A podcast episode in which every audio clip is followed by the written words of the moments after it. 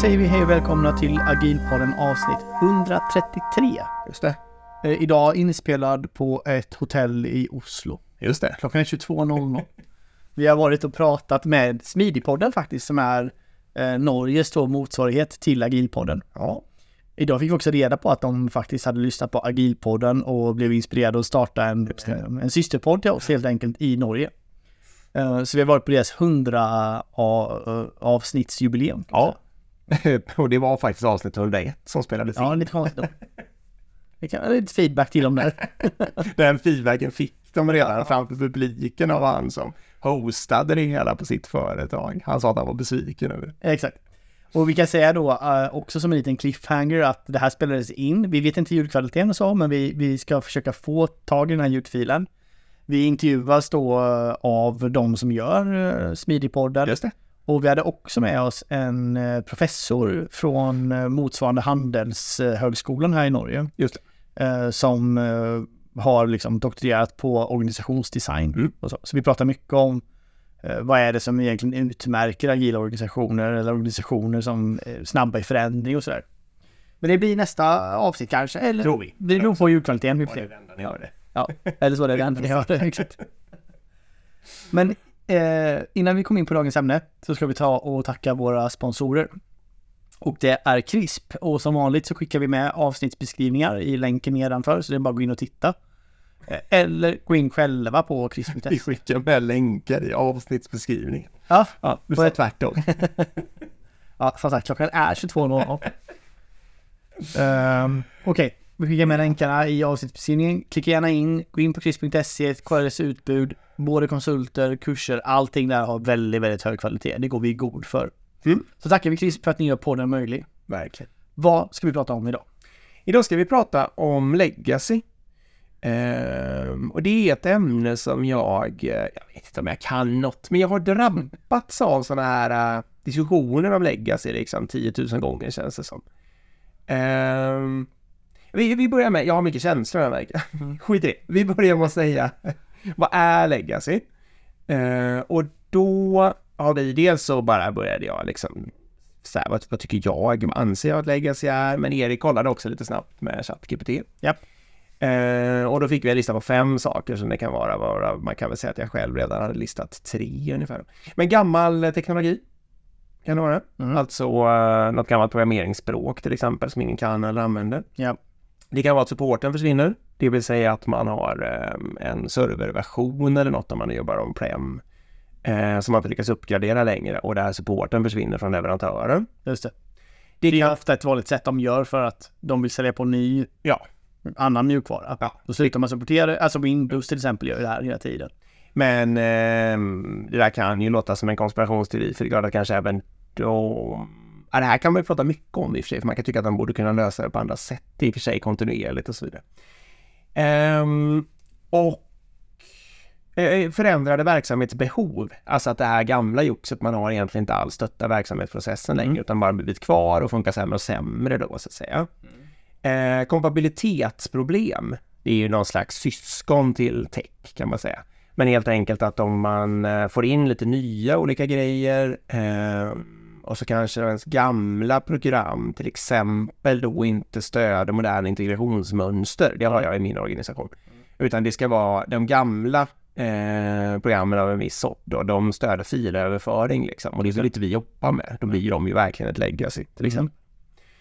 Eh, och sen kostnad eller resurser. Alltså det går inte att hitta någon som kan stordatorutveckling i, liksom, till exempel. Det kanske Eller de blir jätte, jättedyra. Ja, Mm. eller det är jätte. Mm.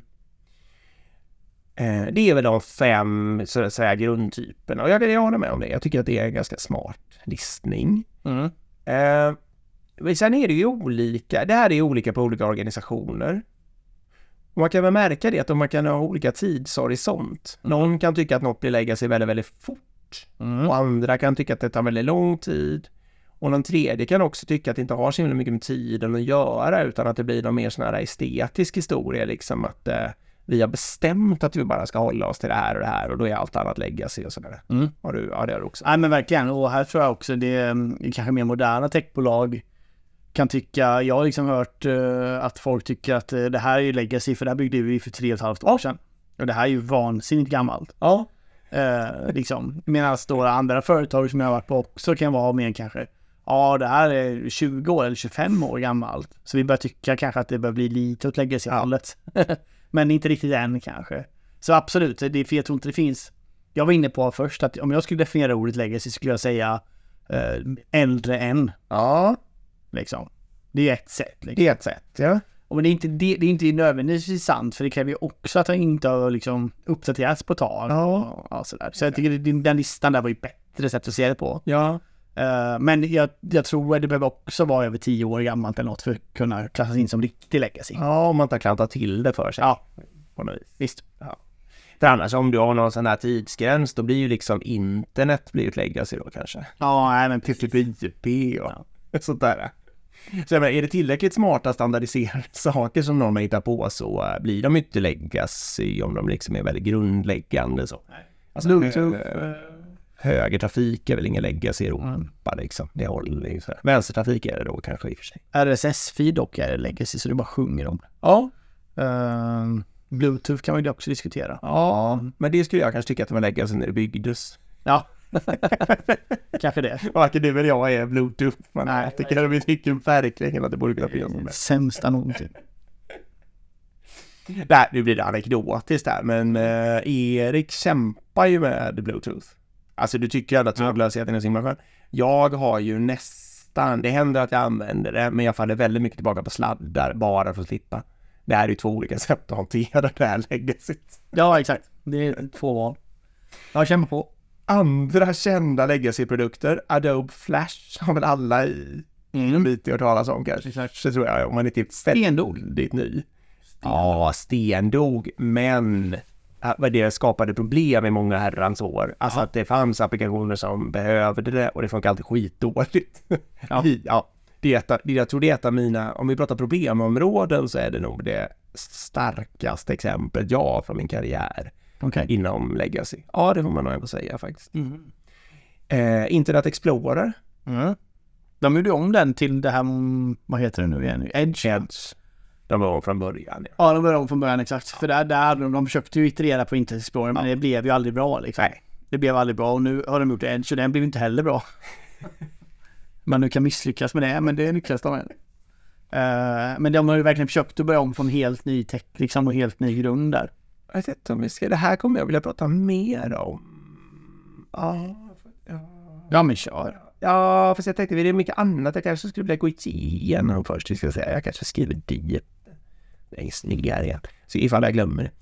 Oracle Forms kanske många har hört talas om och Reports. Det används på mitt företag fortfarande till exempel. Mm. Och eh, Microsoft XP. Det är väl ett bra exempel. Jag kan inte det jättebra men det funkar väl ganska bra. Jag vet inte hur många som kör idag. Nej, är ett, jag, jag googlade snabbt, det är tydligen ganska bra. 2014 slutade Microsoft supportera det då. Så det är ganska länge, det är nästan tio år sedan. Ja. Eh, men folk körde fortfarande då. Ja, vi körde länge för att det funkar bättre än eh, mycket andra saker liksom. Eh, det vet på där, där jag jobbar. Så var vi det. Jag ska inte säga att vi var fast, men det var i någon bemärkelse lite svår-erst, liksom att ändå hade massa för det. Om man går in och ska ringa in legacy lite mer, ja, då kan man tänka sig att det finns för och nackdelar och då kan man, den tydligaste om vi pratar fördelar, så tror jag att jag sätter den i topp i alla fall. Det är faktiskt ofta billigt. Mm. Man har ofta tagit investeringskostnaden. Eh, och det ofta är ju förändringsbehovet ganska lågt. Ofta har man lyckats få till någon opti- optimerad driftsmiljö eller vad man nu har för någonting liksom. Så det är både billigt att underhålla och billigt att drifta oftast.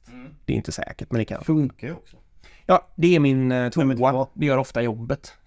Det funkar liksom. Mm. Man har något behov ehm, och i och med, an, alltså, annars hade det åkt ut liksom på något sätt. Det har förfinats och folk har vant sig vid även om det inte är så snyggt. Ehm, så att under de här åren som det har levt så har det ofta hamnat liksom i att det, det funkar och, och gör jobbet. På nackdelssidan då, det ju, kan ju vara svårt att underhålla helt enkelt och det kan vara väldigt svårt när man får in nya, det var ju en av de här fem då, men när man får in Ja. nya behov runt omkring så kan man behöva anpassa och då kan man helt plötsligt hamna i det läget, den här filöverföringen är ett bra exempel på det. För då kan man hamna i det läget att vi vill ha kvar legacy-systemen och vill gå över till moderna integrationsmönster, Mm. då får vi skriva egna mellanprogram Ja. som själva, så vi har egna integrationsprogram liksom mer eller mindre. Eh, som översätter mellan fil och vad vi nu vill ha för någonting. Och de kan ju bli hur komplicerade som helst till slut. Eller nej, det blir de väl inte. Men... Nej, men jag Ja. också, det är ganska komplicerat. Och så får de ett underhållsbehov Mm. i sig som bygger på det här och det blir lite spaghetti av alltihopa för de ligger mitt emellan integrationsmönstret och det andra programmet Ja. och rör till det. Liksom. Och sen problemet här är ju också att när du får in nya personer i organisationen Ja. så, så kommer du lära upp dem på de nya systemen där ni håller på och liksom nyutveckla som mest intensivt. Och antagligen med en mycket nyare och fräschare tech. Ja. Vilket gör att det här är nästan helt omöjligt att omborda folk på. Ja, typ. Alltså ingen vill riktigt jobba på det Nej. antagligen. Eh, de nya kommer, ni kommer antagligen inte vilja prioritera och lära upp dem i det och sådär. Nej, typ. Så till slut är ju risken att ni sitter typ med, du vet, en person liksom. Ja. Som kan det på riktigt. Och så gör det ganska viktiga saker för din verksamhet ändå. Jo. Och då börjar det ju knipa liksom, då börjar det bli ganska jobbigt. Så det, det, det, det är en stor risk med det här. Ja, nu, är vi, nu började du helt enkelt bara hur ska man göra då? Mm. Eh, eller du borrade egentligen mer i den kompetensrisken eller kompetensnackdelen då. Det är svårt att få tag i kompetens eh, när man har gjort det på något konstigt sätt. Och jag skulle säga att jag tycker att det verkligen finns Eh, Vi kan börja också så här, vi tar den först bara. Big bangs eller kontinuerliga förbättringar? Har du någon eh, uppfattning? De beror ju helt på. Ja, vi gör det, det beror alltid på. Allt beror alltid. Ja. Och jag håller med dig på det. Jag håller med, eller jag skulle säga så här då.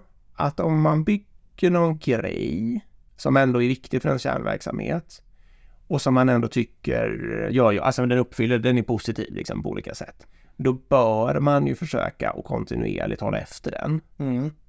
Och det är klart att man kan bli förbisprungen av tekniksprång i omvärlden. Och för det är klart att när man är byggd i en teknik och den tekniken verkligen blir obsolet, då är det klart att mina kontinuerliga förbättringar, jag kan inte, eller ja, jag, och jag kanske kan bryta isär den och ändra den tjänst för tjänst i och för sig och då kanske jag kan eh, bryta loss de tjänsterna med stort förändringsbehov och flytta dem först och då kanske det minskar i storlek och sådär. Och då blir det lite kontinuerliga förbättringar även om det är en liksom Mm. ett Big Bang, en Big Bang-kandidat också. Det kanske blir det på slutet och sådär. Men det jag vill komma till är att jag tycker det är väldigt viktigt att man fattar ett medvetet beslut liksom. Så att man inte av lathet eller så här organisationströtthet bara låter den föråldras för snabbt liksom. Inte försöker hålla efter den ens en gång. Mm. Utan man har i alla fall tänkt, aktivt tänkt tanken, kan vi göra kontinuerliga förbättringar och underhålla den här så att vi undviker att bygga en jätte-Big Bang problem framför oss på något sätt. Mm. Ja, men visst, men det där beror ju verkligen på vad du har för förutsättningar. Det kanske inte är rent tekniskt möjligt att, att, att, göra, att bryta isär det. Alltså det kommer komma Nej. komplikationer och du kanske vill göra en månlyft samtidigt och du har liksom lite sådana ambitioner som gör att det är liksom bättre. Men sen kanske du fortfarande kan eh, inte köra över all 100% trafik till nya tjänsten direkt utan du kanske kan balansera. Så det finns ju alltid så här smarta sätt att hantera det på. Men jag håller med dig om att det man behöver se till att göra det är att man tar uh, gemensamma beslut för hur ska vi hantera det här. För att Mm. problemet med legacy är ju många gånger att det funkar, det gör sitt jobb, det lever. Men ingen riktigt jobbar på det.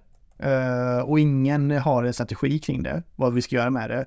Och sen är det först när liksom det verkligen shit hit the fan. Mm. När vi har, nu har vi liksom på riktigt stora Mm. funktionsstörningar. Det här systemet skalar inte längre. Då kommer man in, Ja. lite hipp som happ. Och nu, oj vad klantiga ni är. Ja. För att ni inte fixar det här för länge sedan och så liksom. Exakt. När alla har sagt att det där har vi inte tid att ta i. Så blir man ju fruktansvärt provocerad. Ja, och jag tror det, Och det är dumt. jag tror det är så tyvärr det ser ut på många ställen. Eh, sen Mm. generellt kan jag säga, jag är väldigt positiv till legacy-system. Mm. Jag tycker de funkar bra ofta. Det finns inte, det, det, det behöver inte vara liksom samma tech i hela organisationen. Man kan ha lite gamla grejer som bara Mm. skrotar och går liksom. Men man måste hantera riskerna med det. Mm. Och sen någon gång så, ja, vi kommer väl in på det också, men någon gång så kommer ju de här riskerna bli för stora och då kanske det inte är värt att behålla det. Mm.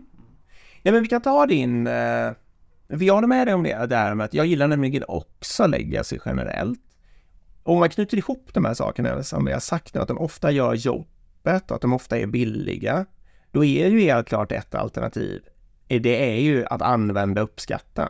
Alltså att, fort, att fortsätta dra nytta av sin investering och vara glad över att den finns. Ja. inte ha något sånt här städbehov eller något bara för att eller något sånt där liksom. Och en grej med det också som jag skulle vilja säga är att om man pratar um, alltså CX, om man pratar sån här, alltså att någonting ska ha ett business case, att det ska vara technical, vad heter det för någonting? Viable ska det vara och sen så ska det vara feasible, alltså att man ska kunna göra det och så vidare.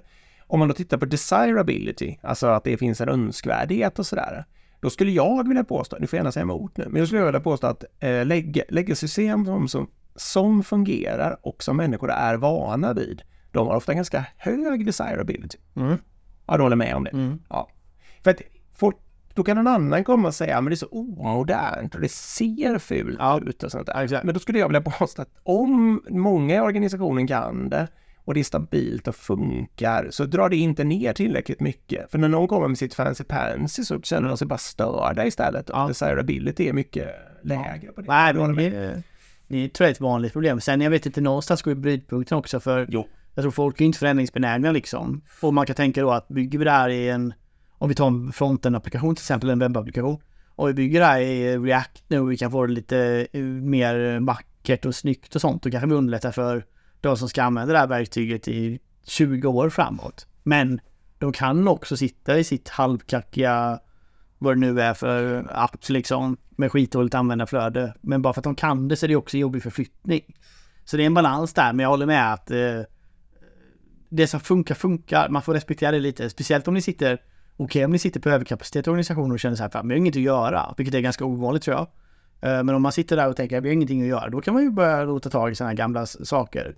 Men ofta är det ju så här att de här löser ett problem i verksamheten eller löser ett problem för din verksamhet. Eh, Och du är inte så intresserad av att investera mer där. Utan du vill ju lägga pengar och med folk och team och fokusera på nya kanske möjligheter nu att expandera din verksamhet eller sälja ännu mer eller ta in göra kunderna ännu nöjdare eller sådär. Eh, Så jag tror att, eh, ja, baserat på det så får man tänka, tänka försöka se helheten där. Förstås. Som vanligt egentligen. Om. Ja. Eh, jag har en fråga till dig också. Om man har ett legacy, så kallat legacy, om man har ett system med gammal teknik och ett med nyare teknik och de man ska skifta ut det ena mot det andra. Hur tycker du att man ska organisera de här kompetenserna som jobbar med Ja, precis. Det måste vara samma team ju. Ja, det var det jag hoppades. Ja. Ja. Vi hade inte pratat ihop Man måste äga den skiten man bygger bort. Exakt. Annars, annars kommer det här har jag sett många exempel på. För det, man, det som är lockelsen här, det är ju liksom att, eh, att man gör något så här main... Source. ja. Ännu värre, skulle se hans min nu. än, ännu värre det. Eller att man låter något då lite maintenance team ta hand om det gamla och sen så sätter man ett cloud adoption team eller cloud team eller någonting Ja. som får sitta vid sidan av och bygga om allting liksom. Men det är av extrem vikt, enligt min erfarenhet, jag kan ha, blivit motbevisad här, men min erfarenhet säger att de som bygger ersättaren för systemet ska också äga det gamla systemet, för de måste leva Ja. med de problem som finns. De måste uppleva vilka svårigheter som finns med skalbarhet med eh, den kundkontakten eller de som använder plattformen eller tekniken idag. Eh, de, alla de problemen får inte gå till ett annat team för då är risken att det de bygger och nu och sånt löser inte de faktiskt problem. Eh, Så det är extremt viktigt att de är kvar i den feedback-loopen. Och då kan man många bli så här frustrerade då att ja men vad fasen, det kommer ju ta 70% av deras kapacitet Ja, och underhåller det gamla. Jo, okej. men, Men men det kommer ju ta lika mycket kapacitet. Det kommer ta mer om någon annan gör det, eller vad man ska säga. Eh, ja, det är fullständigt med det och jag vill också lägga till att om man ändå har någon sån här planer att göra lite re-engineering eller um, refactoring på delar av legacyn och kanske bygga nytt kring eller någonting sånt där. Vi kan komma tillbaka till det mer också. Men då är det också helt avgörande att, att de här människorna som kan läggas i tekniken, att de sitter bredvid de som ska göra det nya, liksom att man jobbar i samma team eller väldigt nära varandra i Mm. organisationen. Och det blir en stor fördel då att man har, då kan man ha end-to-end ansvar för att göra en sån här refactoring på en del och embedda den liksom i ens fronten, ens nya moderna fina fronten. Just det. Och dra nytta av det. ja, så det finns massor med så här hybridlösningar. Ja, nu nämnde jag den. Eh, det är en metod helt enkelt. Att om man har svår... Eh, för, eh, det kan vara olika anledningar, men om man till exempel har byggt svår affärslogik eller liksom lagt mycket tid och energi på att få till den och den inte har ändrat sig och det sitter i ens legacy. Om man då kan kapsla det och lägga det bakom någon slags API och ropa på dem, ropa de frågorna från ett modernt front. Ja, men. Då kan man göra en jättesnygg applikation liksom utan att behöva göra om allting från början. Ja, och i, eh, om vi pratar webb då, så i React går det ju till exempel att wrappa in gamla Angular-appar och sånt. Så man slipper skriva om allting och det, känns, det kan fortfarande upplevas som helt okej liksom. Eh, så. så absolut, det finns ju hybridlösningar. Och det här jag menar att jag tror inte någon lösning universellt är bättre än någon annan. Eh, Nej, utan det beror på. det beror på. Det, tyvärr är det så. Men det som jag tycker skulle vara intressant, det är ju att om man sitter på flera sådana här legacy-system i sin organisation så skulle man ju behöva mappa upp dem och, och göra precis den övningen. Vill vi att det ska leva kvar som det är? Vill vi göra om det? Ska vi göra en hybridlösning? När gör vi det? Hur utvärderar vi det? Vad är signalen för att nu behöver vi göra något? Så att man inte sitter och väntar in den här stora produktionskrisen där allt går ner och blir dåligt. Nej, jag håller verkligen, verkligen med dig. Och äh, ja, det tror jag också, alltså om man, om man vill titta lite på de här sakerna, vad är det för slags saker som man behöver väga mot varandra? Det är ju, det är ju balansgång helt enkelt, och man ska väga olika intressen mot varandra och de man typiskt behöver tänka på då är ju kostnad, det är någon form av eh, ansträngning, alltså hur mycket organisationsansträngning tar det liksom. Det är någon form av risk är ju en faktor då hela tiden som måste finnas med. Är det en äkta ökad risk för driftstörningar till exempel? Men även om det är en stor ökad risk för driftstörningar eller för problem med den nya skiten som man får in, då kan det ju vara ett argument för att ligga kvar och så vidare. Eh, och sen alla fördelar då i form av eh, ny funktionalitet eller tillgång till ny innovation eller liksom om man köper programvara kan det vara tillgång till massa grejer som någon annan har utvecklat som man inte har Ja, i sitt gamla ja. system. Det finns ju, det finns ju massa fördelar Ja. eh, med att byta. Eller kan finnas massa fördelar med att byta i många fall också. Ehm, jag vill säga en sak eh, som jag stör mig på då, eller det jag kanske har starkast känslor. Och det är det här att jag ibland upplever att det finns liksom, det här är en fälla då som helt enkelt, ta fram papper och penna nu och anteckna. Och det, jag vet inte om det, det hänger ihop med någonting, men jag skulle kanske säga att med din terminologi kanske att det hänger ihop med ordningsguden Mm. att det finns ganska mycket människor så, och de kan ha chefsjobb, de kan också ha arkitektjobb och sånt. Och de gillar inte tanken på att det, mm, de, det, det blir för dem som att tavlan hänger snett Ja, eller något när man har en gammal grej liksom. Som inte riktigt passar in i den, i den tänkta, liksom i någon slags target architecture eller något Mm. sånt där. Alltså man har tänkt att vi ska bygga allting i Java med React. Mm. Och så ligger det kvar någonting i Angular så, så liksom får de panik bara den känslan. Och då vill de byta det bara för att. Och då fällan i det här, det kan man ju få föreslå om man vill liksom.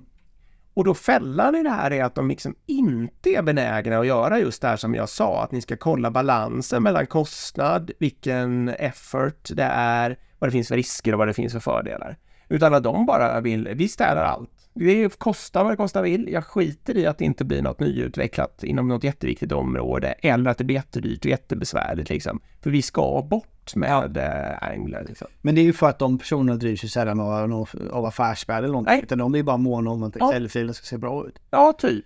Ska se så snyggt ut, Ja, så, så städat som möjligt. Som är som ett verktyg för att ha koll på alla. Ja, i värsta fall. Mm. Det är klassisk idioti.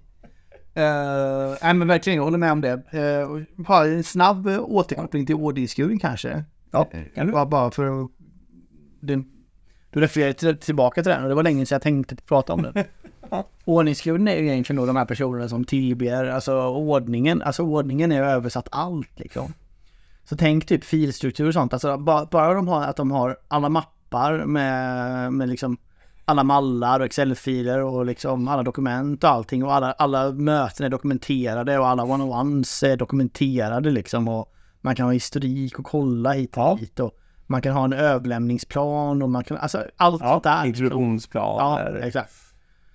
Eh, och all, allt sånt där dokumenterat och klart och färdigt liksom. Mm. Mm. Det är många människor jag har märkt drivs av, det är liksom det viktigaste. Ja. Sen om, om, om de inte skapar något värde överhuvudtaget Nej. för verkligen företaget eller något annat, det, det är sekundärt. Ja. Ehm, och, och, och om, om det skulle liksom stå och falla mellan då att ja, men nu blir ingenting gjort här, du är domtyg som chef, ingenting är bra liksom. Nej, men då faller man tillbaka på skull liksom. Och jag tror att det här kommer från en rädsla. Alltså jag tror det kommer från egentligen eh, rädslan att eh, man är rädd för att helt enkelt någon ska komma och frågasätta. Och säga Ja. så här, "Nej, gör du verkligen ditt jobb? Kanske. Ja, och då i, i vårt fall till exempel eh, som inte håller på med det här. Då skulle det vara kanske lite svårt för mig att bevisa det. Då, ja, då får du fråga kanske mina medarbetare då, eller mina kollegor och sånt där. Men jag har ju liksom inget direkt bevis. Men om man då kan direkt bara, kolla här. Ja, alla mina samtal, jag har gjort allting rätt. Jag har fått i den här, min semesterplanering är klar, alltså du vet, allt sånt. Så jag tror att det är den från början, den rädslan liksom, Oh, som, som driver det lite grann. Och tyvärr blir det så då att den tar över och blir prio ett. Och jag säger inte att man, det är dåligt att ha ordning, det kan man också ha. Ja. Men man får aldrig värdesätta det som högsta prioritet. Nej, och inte om det inte finns till för något heller. Det här är i alla fall en åsikt vi har då. Men för att ni får tänka på det lite att man, man får tänka på sitt högre syfte. Om man bara hoppar till privatlivet så finns det kanske människor som då vill ha ett väldigt, väldigt fint hem och det får man absolut ha, tycker jag, och så vidare. Men om det är någon som tror att det finns förväntningar på dem från omvärlden, från familj och vänner, så att de städar och fixar med hemmet så till den milda grad att de aldrig har tid för sin familj eller har någon glädje kvar i hemmet, liksom, till exempel. Då har de ju ordning utan syfte, alltså då är det, har ju allting bara blivit helt fail. Och precis så kan det ju vara också, att om man bedriver en IT-organisation, städar allting in i minsta detalj, men inte lyckas leverera någonting. Nej. Det ser bra ut Ja. ut, utifrån vissa sådana här, att vad som anses se fint ut, men det blir ju ingenting. Nej. Och då kan man sitta där med sina mjukvaruprojekt om, Ja. som visualiserar techhälsan på alla applikationer liksom. Till exempel i ett företag. Men man får...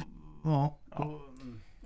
Ja, men det är väldigt, väldigt sant. Ja. Det är en, jag skulle säga i alla fall förhöjd risk kring legacy att sugas in i den där fällan, så att säga, även om den finns på många ställen. Det. En, Och här, återigen, vi ska säga det också, bara en sista tanke jag kom på här nu också. Här är det ju extremt viktigt att inte som ledning eller chef bestämma vad som ska hända med legacy-system. Mm. Utan det här måste ju liksom, eh, det är klart affärsperspektivet måste ju fram. Ja, För det kan ju vara precis som du säger att mm, på IT-teoretiskt eller utvecklare kan tycka att det här eh, systemet eller produkten är fantastiskt men ingen använder den längre till exempel. Så det perspektivet måste ju fram. Men sen är det ju de som lever med den här applikationen eller systemet dagligen. Det är de som måste ta beslutet för vilken strategi ska vi ta. Det du får göra som ledare, eller ledningsgrupp eller chef eller vad det nu är. Det är ju att se till att enabla att den diskussionen sker. Och säga så här, hej vi måste fram en gemensam plan. Vad händer med det här läggersystemet? Ska vi behålla det? Ska vi göra någonting? Ska vi inte göra det? Men genomförandet och beslutandet av den här planen ska ju såklart ligga på någon som äger systemet. Det är värt att säga. Ja det är väldigt, väldigt, väldigt bra påpekande. För det är inte ovanligt, det kommer någon då just och säger så ja men vi har ju beslutat att vi ska göra allting i Java, Mm. eller något sånt där. Och, och jag kanske håller med om det då på den nivån, att om bara ska göra en helt ny grej, ehm, så, så väljer vi Java för att vi har bestämt det, för att vi försöker satsa på det och anställa mycket kompetens på Java och så vidare. Och så vidare. Men om jag har något annat, och så kommer någon som bara ska toppstyra, du måste ta bort det för vi har bestämt att. Ja. Alltså nej, det, man ska verkligen, verkligen akta sig för det. Ja. Jag har en fälla till också som är en, eh, ja det är ju en kusin till de här grejerna då. Men den är, den är inte så här, nu måste du ta bort det här på en gång, utan den går så här istället att eh, jo men hej hej, jag håller på med det här jättesystemet, det kan typ det är ett ERP-system förstås liksom. Jag håller på att ska implementera ERP-systemet och det ska rädda oss, frälsa oss från alla problem i hela världen. Det måste det inte vara, men det kan vara så här, det ska rädda oss på många sådana här standardprocesser och grejer. Ja. Så bland annat det som du håller på med här, det ska ersättas av ERP-systemet. Ja. Så du behöver inte, så nu slutar vi lägga några pengar alls Ah. på din grej eller liksom, för det kommer snart så. här. För 20 år. Ja, exakt, Eventuellt kanske. exakt. För då blir det så här, det kan också bli idiotbeslut fast att de blir det åt andra hållet att okej, men du säger att det kommer nästa år, men de här ERP-planerna brukar i genomsnitt vara försenade med liksom fem till tio år. Och verksamheten har jättebehov av det här som jag gör här. Och att kunna få lite förändringar, få det lite förbättrat och sådär liksom kontinuerligt så att det verkligen funkar. Mm. Om man då bara sugs med i det där, ja men åh vad skönt, då slutar vi lägga någon ansträngning alls på det. Då kan man ju hamna i den här fällan att Jaha, men nu har ju alla de människorna försvunnit, nu har ju de annat, de har slutat på mitt företag. Och nu blev ERP försenat ytterligare ett år. Nu går inte det här längre liksom. Och, och då var det ju dumt, då skulle man ju istället ha tänkt tvärtom. Man skulle ha haft lite större marginaler, haft kvar fler människor, satsat på det längre. Och så fick det där, om det nu var ERP, fick det bara komma som en glad överraskning att de blev klara lite tidigare man hade vågat hoppas liksom. Ja. Eh, det är ju då mycket, mycket smartare. Ja, verkligen. Så tänk på den också. Mm. Ehm, en fördel sa vi kanske, en fördel med saker som inte uppdateras är att de är stabila. Ja, det blir det. Ja. Och det är ju, så det kan ju vara en jättestyrka med Legacy att inte leverantören håller på och petar på och kommer med uppdateringar och skit liksom utan att det kanske får leva sitt. Ja, och även om man har byggt något eget så är det ju ofta man håller inte på att förändra så mycket, man deployar inte så mycket till den tjänsten så den, den lever och står liksom. Mm, precis. Eh, jo, eller vill du säga något mer? Nej. Nej, jag ska, i så fall ska jag, tror jag, försöka, nu ska se om jag kan återknyta för att jag har gjort lite ranteckning med Internet Explorer. Det är nämligen ett exempel på någonting. För mig. Mm. Eh, för du sa så här att då kände man att det, här, det går inte att rädda den här för vi har fastnat i det. Och det kanske var sant, jag säger ingenting om det. Eh, men så sa du också att då byggde man Edge och Edge flyger inte heller. Nej. Nej. Och det tycker jag att jag har sett Alltså att någon, det finns någon grej och det blir dåligt. Och så tänker man just så här, ja men då bränner jag ner det här huset och bygger ett nytt brev eller ovanpå eller något sånt där liksom. Mm. Och det kan gå, jag säger absolut ingenting om det. Men det jag vill att man ska fråga sig då, apropå Microsoft, är vad har jag ändrat i förutsättningarna nu när jag försöker igen? Har jag till exempel samma företagskultur? Har jag liksom samma så här in, toppstyra lika mycket? Är det här byggt på kravspes eller är det som den förra var, om det nu var det liksom? Mm. Eller är det byggt utifrån kundperspektivet? Vad har jag för eh, metrics för att mäta framgång på den här? Börjar jag mäta dem på en gång? Hur tidigt kan jag släppa min första version? Mm. Och alla sådana där saker. Om svaren på de frågorna då blir lite, jag har samma företagskultur, lika mycket toppstyrning, jag har inte tänkt igenom mina metrics, jag tänker att den ska vara klar innan jag släpper min första och lite sådana där saker. Och upp. Då är jag helt säker på att eh, hennes nästa försök kommer bli ungefär lika dåligt fast i modernare skepnad. Ja, det blir, det blir uh, Microsoft Edge liksom. Ja, då blir det Microsoft Edge eller ja. jag ska inte säga någonting för jag har inte ens installerat den ännu, men jag har ju haft jätteproblem med sån här um, app på ett stort tyskt bilföretag. Ja. ja. Och, uh, och nu har de löst det genom att uh, säga att vi slutar utveckla det här, du får installera vår nya app istället ja. som är ett annan app. Jag har inte ens sugen, jag har så lågt förtroende så jag är inte ens sugen på att prova. Nej. Men jag, där kan jag tänka mig då att de har precis den här fällan. De har använt samma mjukvaruorganisation, samma kultur, samma spesdrivna utvecklingsarbete och kommer troligtvis hamna i samma läge. Och bättre tech med samma skit. Ja men precis, här gäller det att hålla i produkt och tech ju. Ja. För men bara för man lyfter eh, tecken till en eh, bättre version eller smidigare eller molnlösning så gör ju inte produkten bättre många gånger. Nej. Kan göra den lite snabbare så, men antagligen inte bättre. Ja, och det kan ofta bli sn teoretiskt snyggare, mm. men att det ändå är en massa, ja, vad som helst prestanda. Nej, men verkligen. Det är en bra poäng. Ja, du, så mycket. Nu har jag sagt allt jag vill få sagt om Legacy. Ja, men vi kan ju nöja oss där. Ja, det kan vi göra. Ja. Eh, om ni vill eh, någonting eh, så hör av er till oss. Vi uppskattar både frågor och feedback och allting. Verkligen. Så agilpodden at gmail.com oss på. Eller gå in på Instagram och följ oss där under agilpodden. Och sen så tackar vi helt enkelt för att ni lyssnar. Ja, tack till Chris för att ni har podden möjlig också. Mm, verkligen. Det är bra. Tack, tack. Ha det bra. Hej. Hej.